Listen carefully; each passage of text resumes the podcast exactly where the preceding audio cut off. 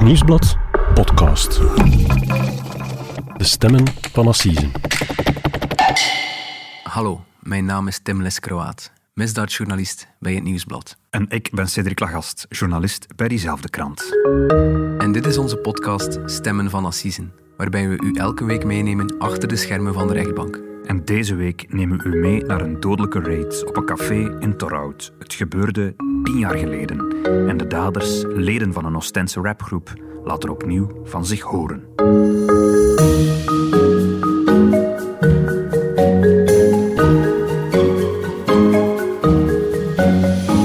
Dag Tim.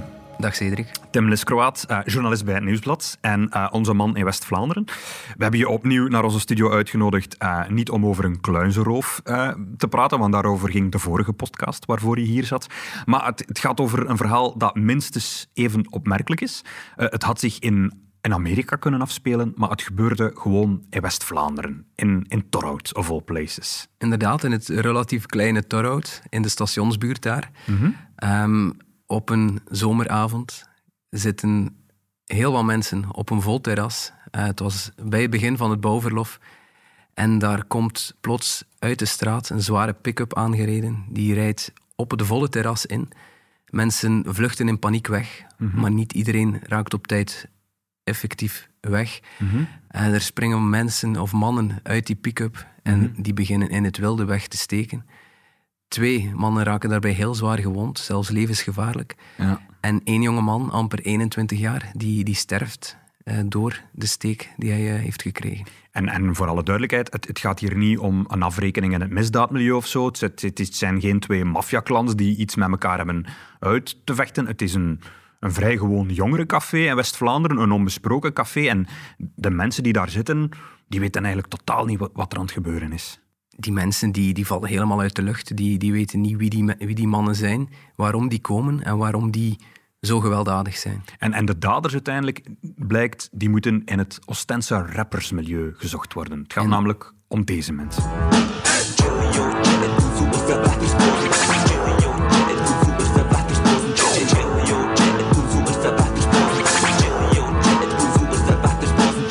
Tim, ze zingen hier eigenlijk gewoon dat ze vechtersbazen zijn. Dat is wat ze hier eigenlijk in zeggen. Klopt. Dat is ook wat ze kwamen doen, blijkbaar. Ja, ze hebben uh, die naam niet gestolen, inderdaad. Want ze zijn effectief gekomen om te vechten en ze zijn zelfs nog een, uh, een stapje verder gegaan. Ja.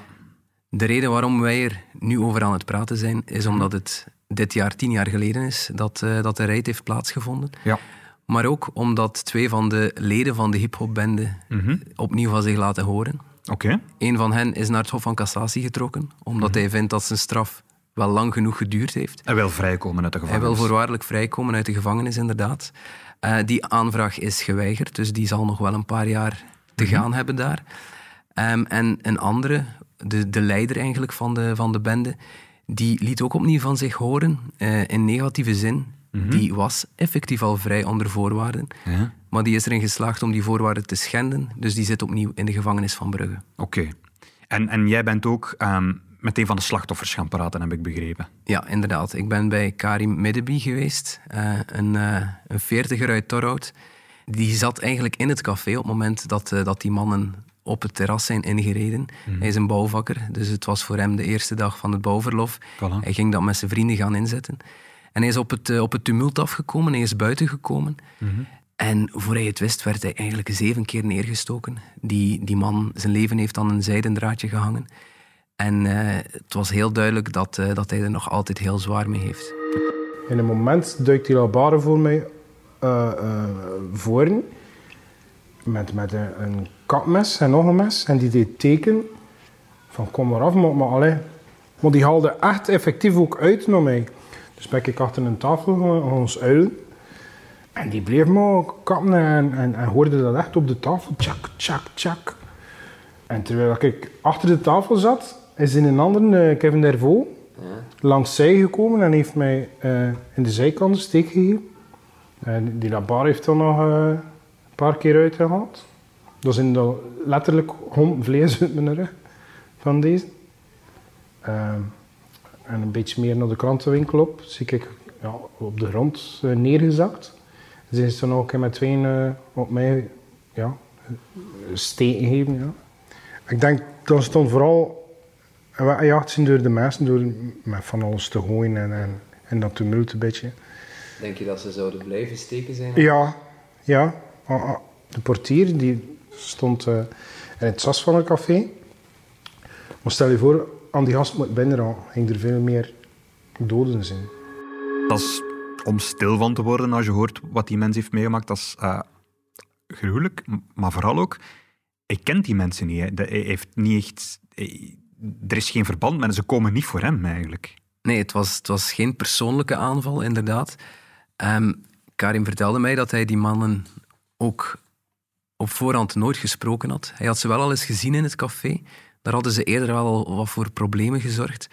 Maar nooit persoonlijk met hem. Dus uh, ze kwamen niet voor hem, ze kwamen voor iemand anders. En hij is ook niet het enige slachtoffer, um, zeg je. Er zijn nog twee andere mannen die ook um, getroffen worden. Klopt, een van hen was, was de portier van dienst, mhm. Christophe de Koene. Die, die was opgetrommeld en uh, die kwam natuurlijk naar buiten op het moment dat hij hoorde dat er iets aan het gebeuren was, zoals het een goede portier betaamt dan. Mm uh, maar ook hij werd neergestoken. Ook, ook zijn leven was bijna voorbij die avond. Um, maar het zwaarst getroffen slachtoffer was Jeroen Baloui, een jonge man, 21 jaar, uit Echtegem, een mm beetje verderop. Die was met zijn vrienden ook het bouwverlof komen vieren. Ja. Die voelde dat er een vreemde sfeer hing en die, had samen met zijn vrienden beslist om te vertrekken eigenlijk. Okay. Die had nog een frietje gegeten in de frituur aan de overkant van de straat. Ja. Ze kwamen buiten, ze gingen terug naar hun fiets om te vertrekken en op dat moment breekt de hel los. Dus hij, komt, hij kwam zelf niet uit dat café, hij, hij was aan de overkant? Hij was op straat aan het wandelen mhm. en hij is een van de toevallige slachtoffers geworden. Uh, opvallend, hij is eigenlijk ook maar één keer gestoken, maar wel heel diep en heel ernstig, waardoor, hij, waardoor hij uiteindelijk een uur later in het ziekenhuis is gestorven.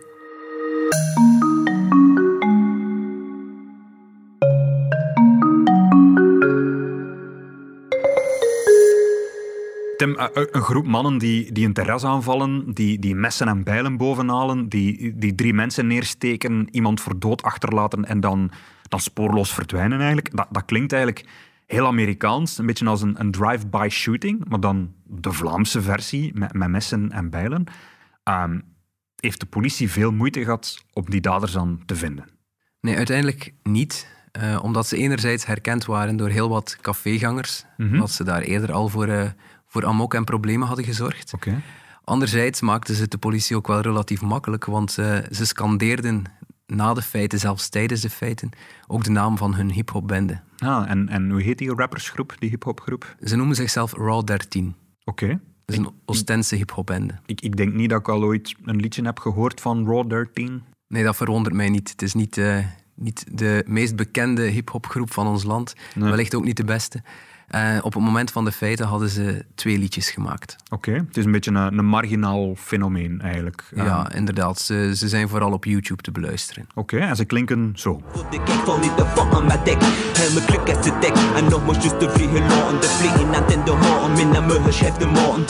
Op het hoogtepunt van, uh, van de groep waren er een achttal leden. Oké. Uh, die zijn ook initieel allemaal opgepakt. Maar al snel bleek dat er vier van hen effectief iets met de feiten zelf te maken hadden. Ja, want er waren getuigen, camerabeelden, dus ik vermoed dat het makkelijk was om, uh, om te weten wie wat gedaan had. Om te weten wie wat gedaan had, daar hebben ze toch uiteindelijk redelijk wat tijd voor nodig gehad. Mhm. Maar om na te gaan wie effectief aanwezig was die avond, dat was, uh, dat was niet zo moeilijk voor de politie. En heeft Raw 13 ook een leider? Ja, die hebben ze inderdaad. Uh, die heet Robin V. Maar mhm. zijn artiestennaam is Spyco. Hij was 25 jaar op het moment van de feiten. Is een Oostendenaar, mm een zelfverklaarde rapper ook. Ja. Ehm, en hij heeft enkele pitbulls waar hij ook graag mee uitpakt. Okay. Uh, daar, gaat hij, of daar ging hij vaak mensen mee bedreigen ook, liet ik mij vertellen. Ja. Um, hij heeft toch een opvallende tatoeage in zijn nek, zag ik. Klopt, hij heeft een, een tatoeage in zijn nek, Trouble. Ja. Die, die is daar terecht geplaatst, zo blijkt. Omdat hij voor veel problemen zorgt die heeft al voor, eh, voor aardig wat problemen gezorgd in zijn leven, inderdaad. Ja.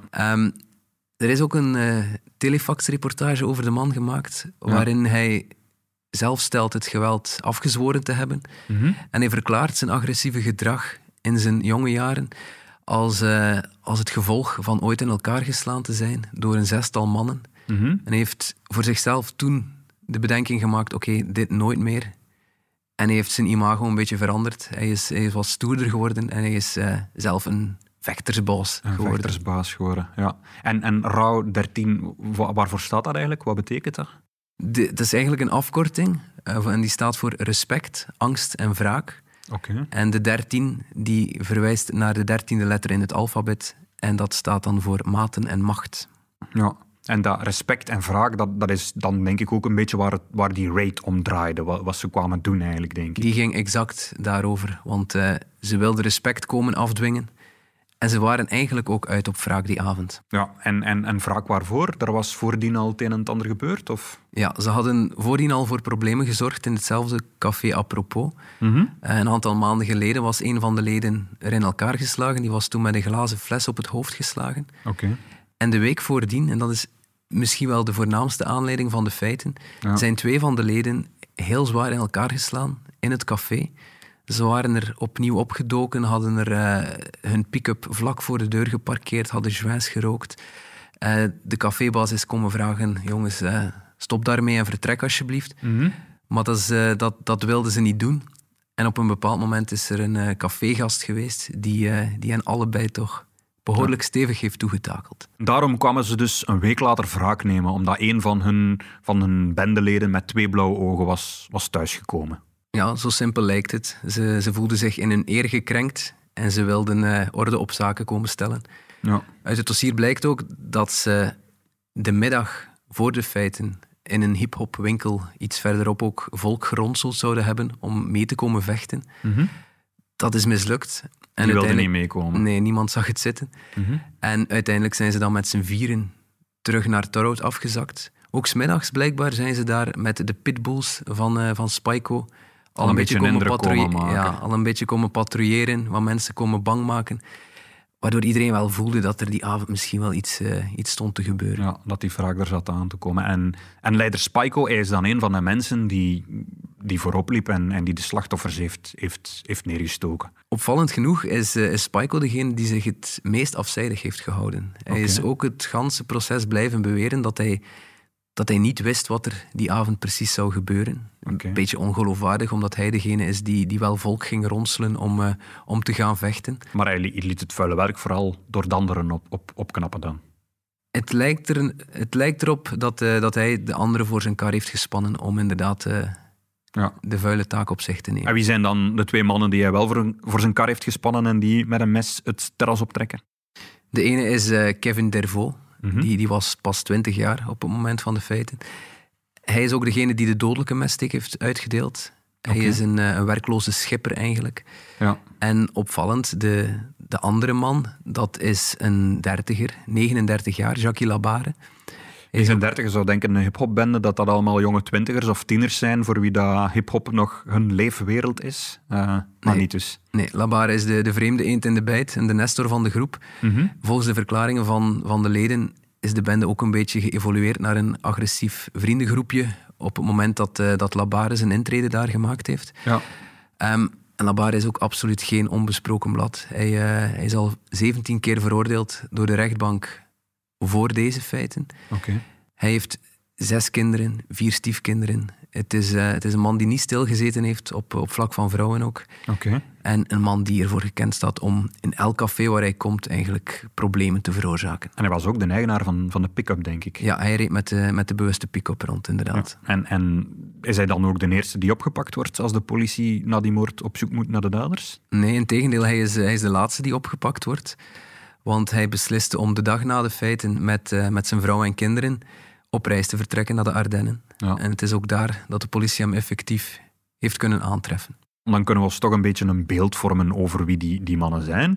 Ehm, maar als we nog even terugkeren naar die avond zelf. ehm, het is niet dat ze het stiekem wilden doen. Want als ze wegrijden, roepen ze luid, Rauw 13, Rauw 13.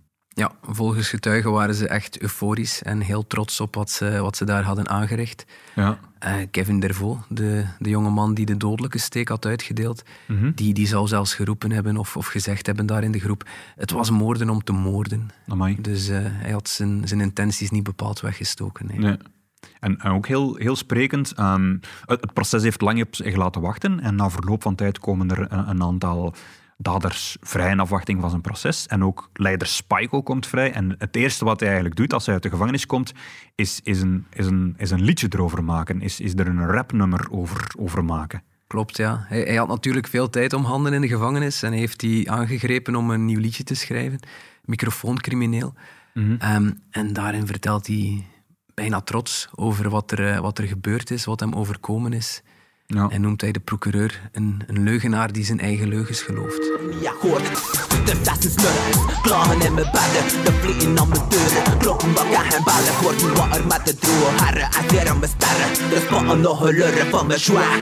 En uh, kijken door mijn rutte. De inspecteur me Ze er drie manieren. Gestoten en één die die redden uh, weet niet over wat hij douwen En voordat ik het wist, en zat ik in de rechtbank Met de rechter die probeert voor mijn medeplichtig te maken Dan moord en met de procureur die zelf in de leugens gelooft Ze wil me niet buiten, maar bluffen opsluiten Dus met bruggen alle rechten, glimlachen en zeggen Het proces rond de dodelijke steekpartij aan het station van Torhout zou normaal om 9 uur vanmorgen starten. Maar de deuren van de assisezaal blijven dicht, want de voorzitter die het proces leidt wil de zitting niet starten vooraleer er genoeg politiemensen zijn die de veiligheid kunnen waarborgen.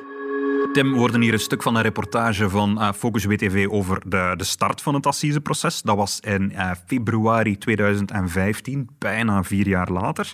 Ehm, het hele proces duurde drie weken. En ik, ik herinner me vooral het contrast tussen de foto's ehm, die we kenden van de bende tot dan toe.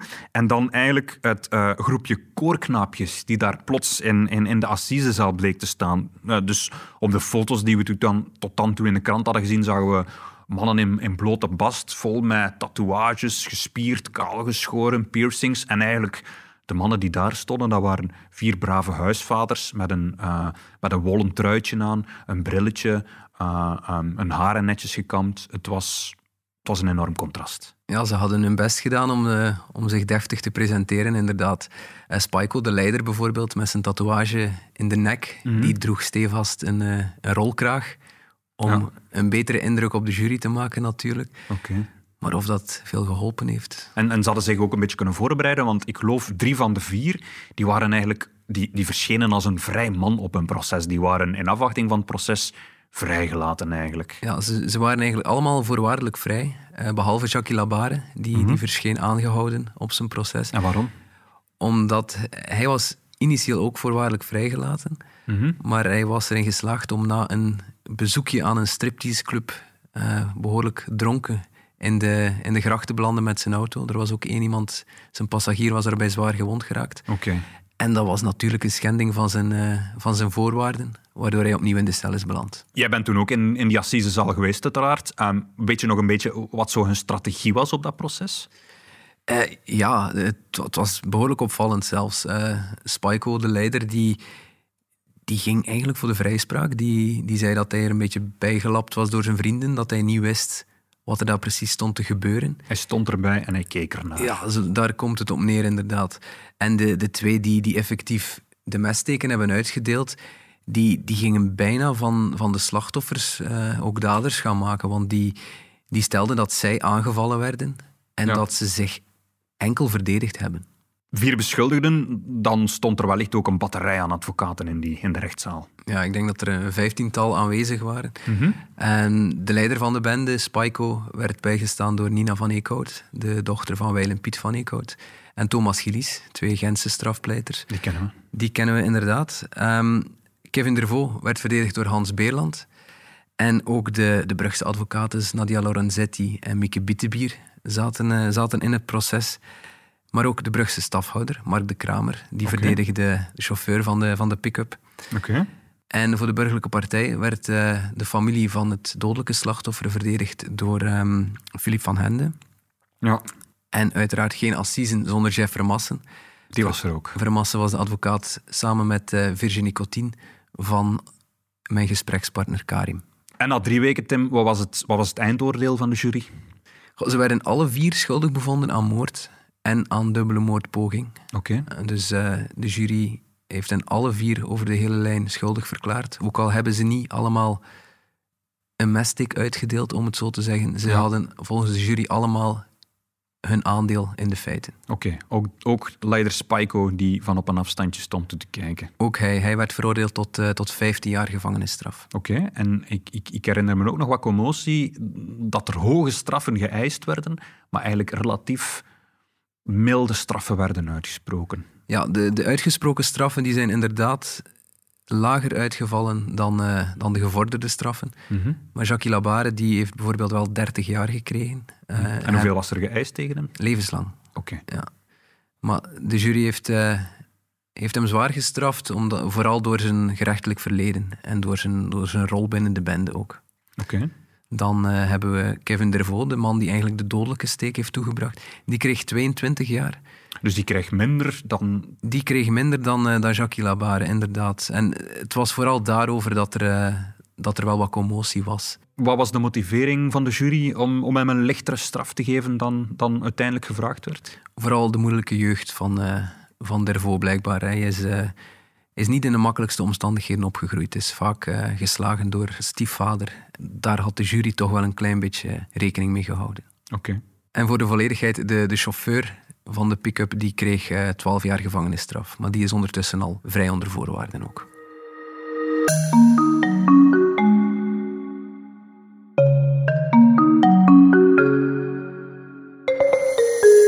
Tim, de vier daders zijn uiteindelijk wel veroordeeld. Um, nu, tien jaar later, hoe gaat het eigenlijk met Karim? Ondertussen gaat het beter met hem, heeft mm -hmm. hij mij toch verteld. Het, hij, heeft, hij, is door een heel diep dal gegaan, maar het is uh, ondertussen wel aan het beteren. Um, hij probeert zijn leven weer op te bouwen. Is ook opnieuw aan het werk. Al heeft hij wel nog heel veel last van, uh, van fysieke klachten. En is ook 10% blijvend invalide verklaard door, uh, door de steekpartij. Van het eerste moment wist ik dat dat niet goed zat. Van het eerste moment dat je die steek voel je, dat is lekker een batterie die leegloopt. Ja, in plaats van weg te lopen, wordt dat stappen en zak je door je knie. Op de beelden is dan uh, ook te zien dat dat een minuut, minuut of zes, zeven heeft geduurd voordat er mij iemand vond en dat uh, de hulpdiensten ook toekwamen. Dus, en hoe lang heb je dan in het ziekenhuis gelegen? Um, dat was een kleine maand in Torhout, een tijdje in coma, op intensief. Ze zijn mij dan op een gegeven moment uh, moeten verplaatsen naar Brugge voor een uh, operatie aan de longen. Ja, ik voel dat zelfs nu nog. Uh, dat is anders dan vroeger. Ja. En qua werk ben je alweer aan de slag? Of? Um, ik heb dus een jaar niet kunnen werken. Ik ben toen beetje per beetje er begonnen terug met halve dagen. Ja. Maar ik ben niet meer de persoon dat ik voordien was ook. Ah ja, goed, ik ben altijd bouwvakker, maar veel rapper vermoeid. Uh, ja, auto dingen hij niet meer. Voel ik dat nog geregeld dat ik, uh, allee, ja, mijn arm bijvoorbeeld, heb dat gezegd, dat hij volledig open. Dus mijn vingers tot aan mijn elleboog, dat verkrampt. Ja. Ja, voordien was dat niet. Ja. En, en, plus ook voor, voor, voor te tellen, voor dingen op te heffen. Dat voel ik nog altijd ook. Okay. Littekens durfde ik in het begin niet naar het zwembad aan of zo. Hè. Of, um, of naar de zee.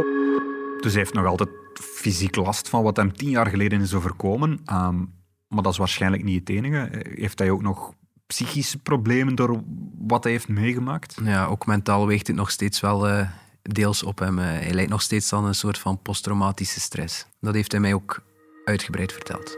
Ik las dat hij ook uh, aan een posttraumatisch stresssyndroom ja. eigenlijk leed op dat moment. Ja, maar nog dat altijd, altijd. Dat is nog altijd. En hoe uitzicht dat? Goh, ik... een klank, een geur, is soms genoeg voor mij te triggeren. Als het heel warm is, die, die, die geuren van tarmac. Uh, de zon heeft dan een hele dag opgezeten, net als s'avonds, dat koelde een beetje af. Die typerende. En dan ik dat ervaren, ja, is dat weer een trigger. Op bepaalde momenten, ja, ik, kijk, het zijn hier allemaal vensters. En dat gebeurt dat ik iets naast aan het venster sta te kijken. Ja, angst. Ja. Um, en met DJ-activiteit en, en uh, um, met de band. Soms moet ik maar één gezicht zien in het publiek die niet klopt of die anders is. En voor mij is dat genoeg verstijven of paniek. Uh, uh, echt paniek. En, en weg willen uit die plaats. Voor de feiten waren we vrij sociaal. Ja. Ieder weekend waren we wel ergens uitgenodigd of, of, of hoe dan ook. En eh, dat sociale leven, dat, dat was echt gestopt. Het leven heeft toch wel een paar jaar stilgestaan. Ja. Ik ben zelfstandig en ik heb een jaar niet kunnen werken. Ehm, dus financieel op de duur zit je aan de grond. Er bestaat toch ook zoiets als, als het slachtofferfonds, Tim? Ehm, komt dat dan niet tussen? Heeft hij daar niet van kunnen... Heeft, hij- hebben die hem niet kunnen steunen? Hij rekende daarop, maar eh, blijkbaar komen die niet tussen als er nog geen officieel vonnis is. Die komen pas tussen eens er een uitspraak is. Dus hij heeft daar vijf jaar op moeten wachten. Hij heeft er heel lang moeten op wachten, Ik, ik, inderdaad. ik kan me inbeelden dat hij dan eigenlijk wel heel, heel kwaad is op die mannen. Dat dacht ik ook. Dat, dat heb ik hem ook letterlijk gevraagd. Maar blijkbaar heeft de man niet zoveel woede meer over. Ik heb lang kwaad geweest, ik heb lang gefrustreerd rondlopen, ik heb geobsedeerd geweest van die zaak. Maar ik heb eh, geen haat of geen kwaadheid niet meer in mij. Ik heb medelijden met zijn gasten. En het is een beetje zielig. Voor die gasten is dat een trofee. Met een moord gedaan, dat zit in de bak. En dat zit dat te stoeven. Moet ik daarop boos zijn? Niet meer, denk ik. Dat is wel straf. Ik wil het, ik wil het echt niet. ehm, want ik heb me daar jaren door laten leiden. En daardoor is mijn relatie met, met mijn toenmalige vriendin ook kapot gelopen. Maar ik geloof niet dat ze andere mensen geworden zijn of betere mensen. Allee, ik, ik denk dat dat iets is die jij zit. Is dat genetisch of is dat... Een slechte mens is een slechte mens volgens mij. Eerder dit jaar is er ook een herdenking geweest, naar aanleiding van de tiende verjaardag dan van de steekpartij. Karim is toen samen met Christophe de Koenen, de portier die ook neergestoken werd, bloemen gaan neerleggen op eh, de plek waar Jeroen Balouy, dus het dodelijke slachtoffer, is neergestoken. Het was ook een heel emotioneel moment voor, eh, voor de mama van Jeroen, kan ik mij voorstellen. Ik ben een jaar na de feiten ben ik bij haar thuis geweest, in haar woning eh, in Echtegem. Ja. Dat was echt een gebroken vrouw. Dat is een gesprek dat, dat ik niet snel meer zal vergeten. Want het leven had haar niet gespaard. Twee jaar voordien was ze haar oudste zoon verloren bij een verkeersongeval. Ja. En nu haar tweede zoon ook gestorven bij een willekeurige steekpartij. Dus eigenlijk op, op, op, op korte tijd daar twee kinderen verloren. Ja, zij was in twee jaar tijd haar twee zonen verloren. Dat eh, was een gebroken vrouw, maar een hele lieve vrouw, herinner ik mij.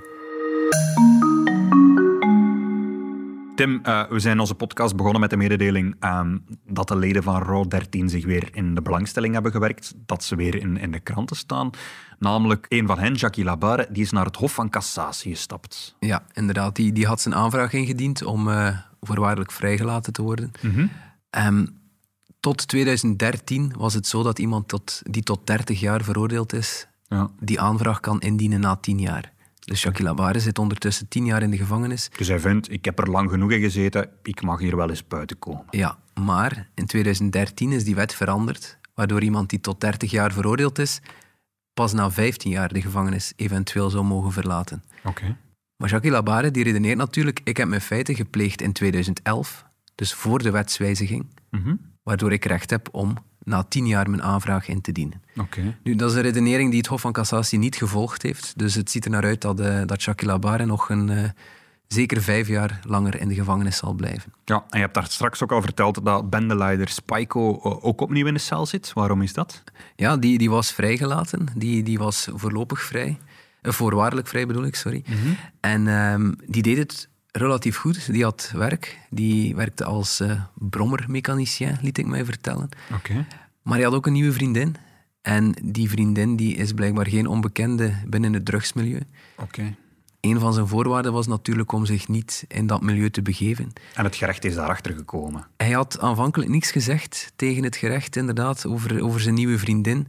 En dat hebben ze hem zwaar aangerekend. Niet zozeer de relatie op zich, maar het feit dat hij, dat hij die verzwegen had. Daar hebben ze hem op afgerekend en eh, hebben ze beslist om hem terug naar de gevangenis te sturen. En hoe lang zal hij nu nog eh, in de gevangenis moeten zitten? Hij zal zijn volgende eh, verzoek tot voorlopige invrijheidstelling kan hij pas in juni 2022 indienen. Dus hij zit opnieuw een paar maanden achter tralies. Tim, heel erg bedankt om ons dit verhaal nog eens eh, van naaltje tot draadje helemaal te komen uitleggen. Dank je wel voor je deskundige uitleg. Met plezier, bedankt dat ik, eh, dat ik hier mocht zijn.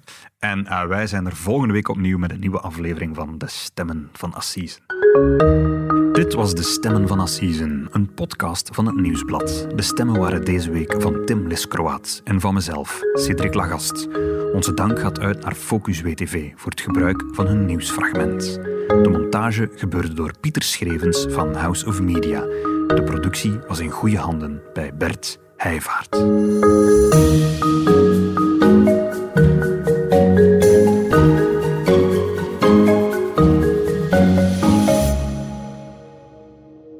Heb je de andere podcasts van het Nieuwsblad al ontdekt? Elke maandag blikt Shotcast terug op het voetbalweekend. Op dinsdag krijg je een slimmer leven advies waar je echt iets aan hebt. En op donderdag is er het Punt van Van Impe, onze politieke podcast met hoofdredacteur Lisbeth Van Impe.